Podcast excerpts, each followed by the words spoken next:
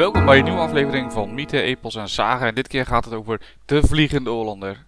Wie kent het verhaal nog niet? Een spookschip dat dood en verderf komt zaaien. Rond de wateren van Zuid-Afrika verschijnt daar ineens een schip met bloedrode zeilen die altijd tegen de wind in vaart. Om zijn mast zweeft een grote zwarte vogel. Er is geen bemanning te zien.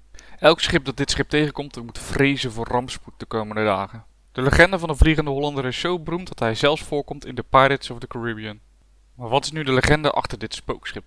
Er zijn uiteraard verschillende legendes in de omloop. Details en namen verschillen over het algemeen, maar de meeste verhalen vertellen wel ongeveer dezelfde zaak in grote lijnen. Het gaat om, om Pasen 1676 en schipper Willem van der Dekker lag met zijn schip in een haven. Hij had al dagenlang niet gevaren, want het stormde enorm en niemand kon ook de haven verlaten. Van der Dekker stond bekend om zijn snelle overtochten van Nederland naar Oost-Indië en was echt super gefrustreerd omdat hij niet kon uitvaren door de storm en hij besloot daarom op paasdag toch uit te varen tegen de willen van zijn bemanning. Gewaarschuwd om op deze heilige dag toch niet uit te varen, zou hij geroepen hebben: Al zou ik tot de eeuwigheid moeten varen, ik vaar. En terwijl het schip de haven verliet, zag de kapitein dat de zeilen tegen de wind inbolden en dat er een zwarte vogel verscheen. En uiteraard, van het schip werd nooit meer iets vernomen. Jaren later begonnen schepen een mysterieuze oude driemaster te zien, met een grote zwarte vogel die om de mast heen zweeft. En dit schip bracht rampspoed. Vaak in de dagen daarna gebeurde er een ongeluk, misschien zelfs wel een dodelijk ongeluk, of in het ergste geval zou het schip zinken. Zover natuurlijk hartstikke leuk en aardig, maar het is niet meer dan een zeemansverhaal. Maar het grappige van dit verhaal is dat tot de 20e eeuw er rapporteringen zijn van zeelieden die claimen dat ze dat schip hebben gezien. En zijn ook niet de minste die die claimen doen. Zelfs de Engelse prins George, de latere koning George V, zou op 14 februari 1881 het schip gezien hebben. De prins had zelfs 13 getuigen om zijn verhaal te bevestigen. Het is wel bijzonder, want als we het scheepsjournaal onderzoeken, dan zie je eigenlijk niet die waarneming erin staan. Dus dat is natuurlijk wel raar. Maar wel was die dag een man uit de mast gevallen en overleden. Dus ja, dat zou wel eens verband kunnen hebben met de Vliegende Hollander. Het is niet zo gek dat George dit verhaal kent, want het was volgens de schrijver Thomas More aan het eind van de 18e eeuw al een heel erg bekend bijgeloof onder de zeemannen.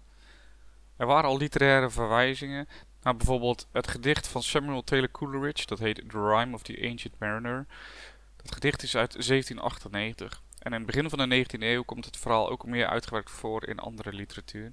Het lijkt erop alsof dit verhaal vanuit Engeland komt. Dus niet vanuit Nederland, maar vanuit Engeland. En dat heeft er natuurlijk mee te maken dat tussen de 17e en de 18e eeuw de Nederlanders behoorlijk heftig concurreerden met de Engelsen op zee. En het verhaal kan wel eens bedacht zijn om te laten zien als een soort ja, propagandastunt dat zelfs de Nederlanders niet weken voor Gods wil. Zeker niet als het gaat om winst maken. Want daar gaat het natuurlijk om. Hè? Willem Dekker die uitvaart op paasdag tegen de wil in van God, want het stormde. En uiteindelijk is hij gedoemd om de wateren eeuwig te blijven rondvaren. Het kan dus zomaar zijn dat dit gewoon Engelse propaganda is.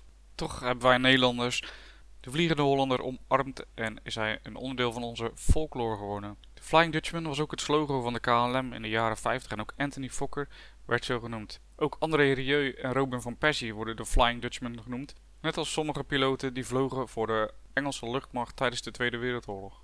En natuurlijk de bekende voetballer waar we het al eerder over hebben gehad, Dennis Bergkamp, kreeg de bijnaam Non-Flying Dutchman omdat hij niet durfde te vliegen. Ook de Efteling heeft nog een attractie die gebaseerd is op deze oude zagen. Hij komt dus overal in voor, de Vliegende Hollander. Nou, ik hoop maar dat ik hem niet tegenkom. Bedankt voor het luisteren en tot de volgende keer. Mochten jullie zelf iets hebben wat jullie willen horen, of een zagen of een mythe of een epos hebben waar jullie meer over willen weten, stuur dan een mailtje naar geschiedenis.paulushistoricus.nl of zoek mij op op Facebook, YouTube, Instagram of Twitter. Tot de volgende keer.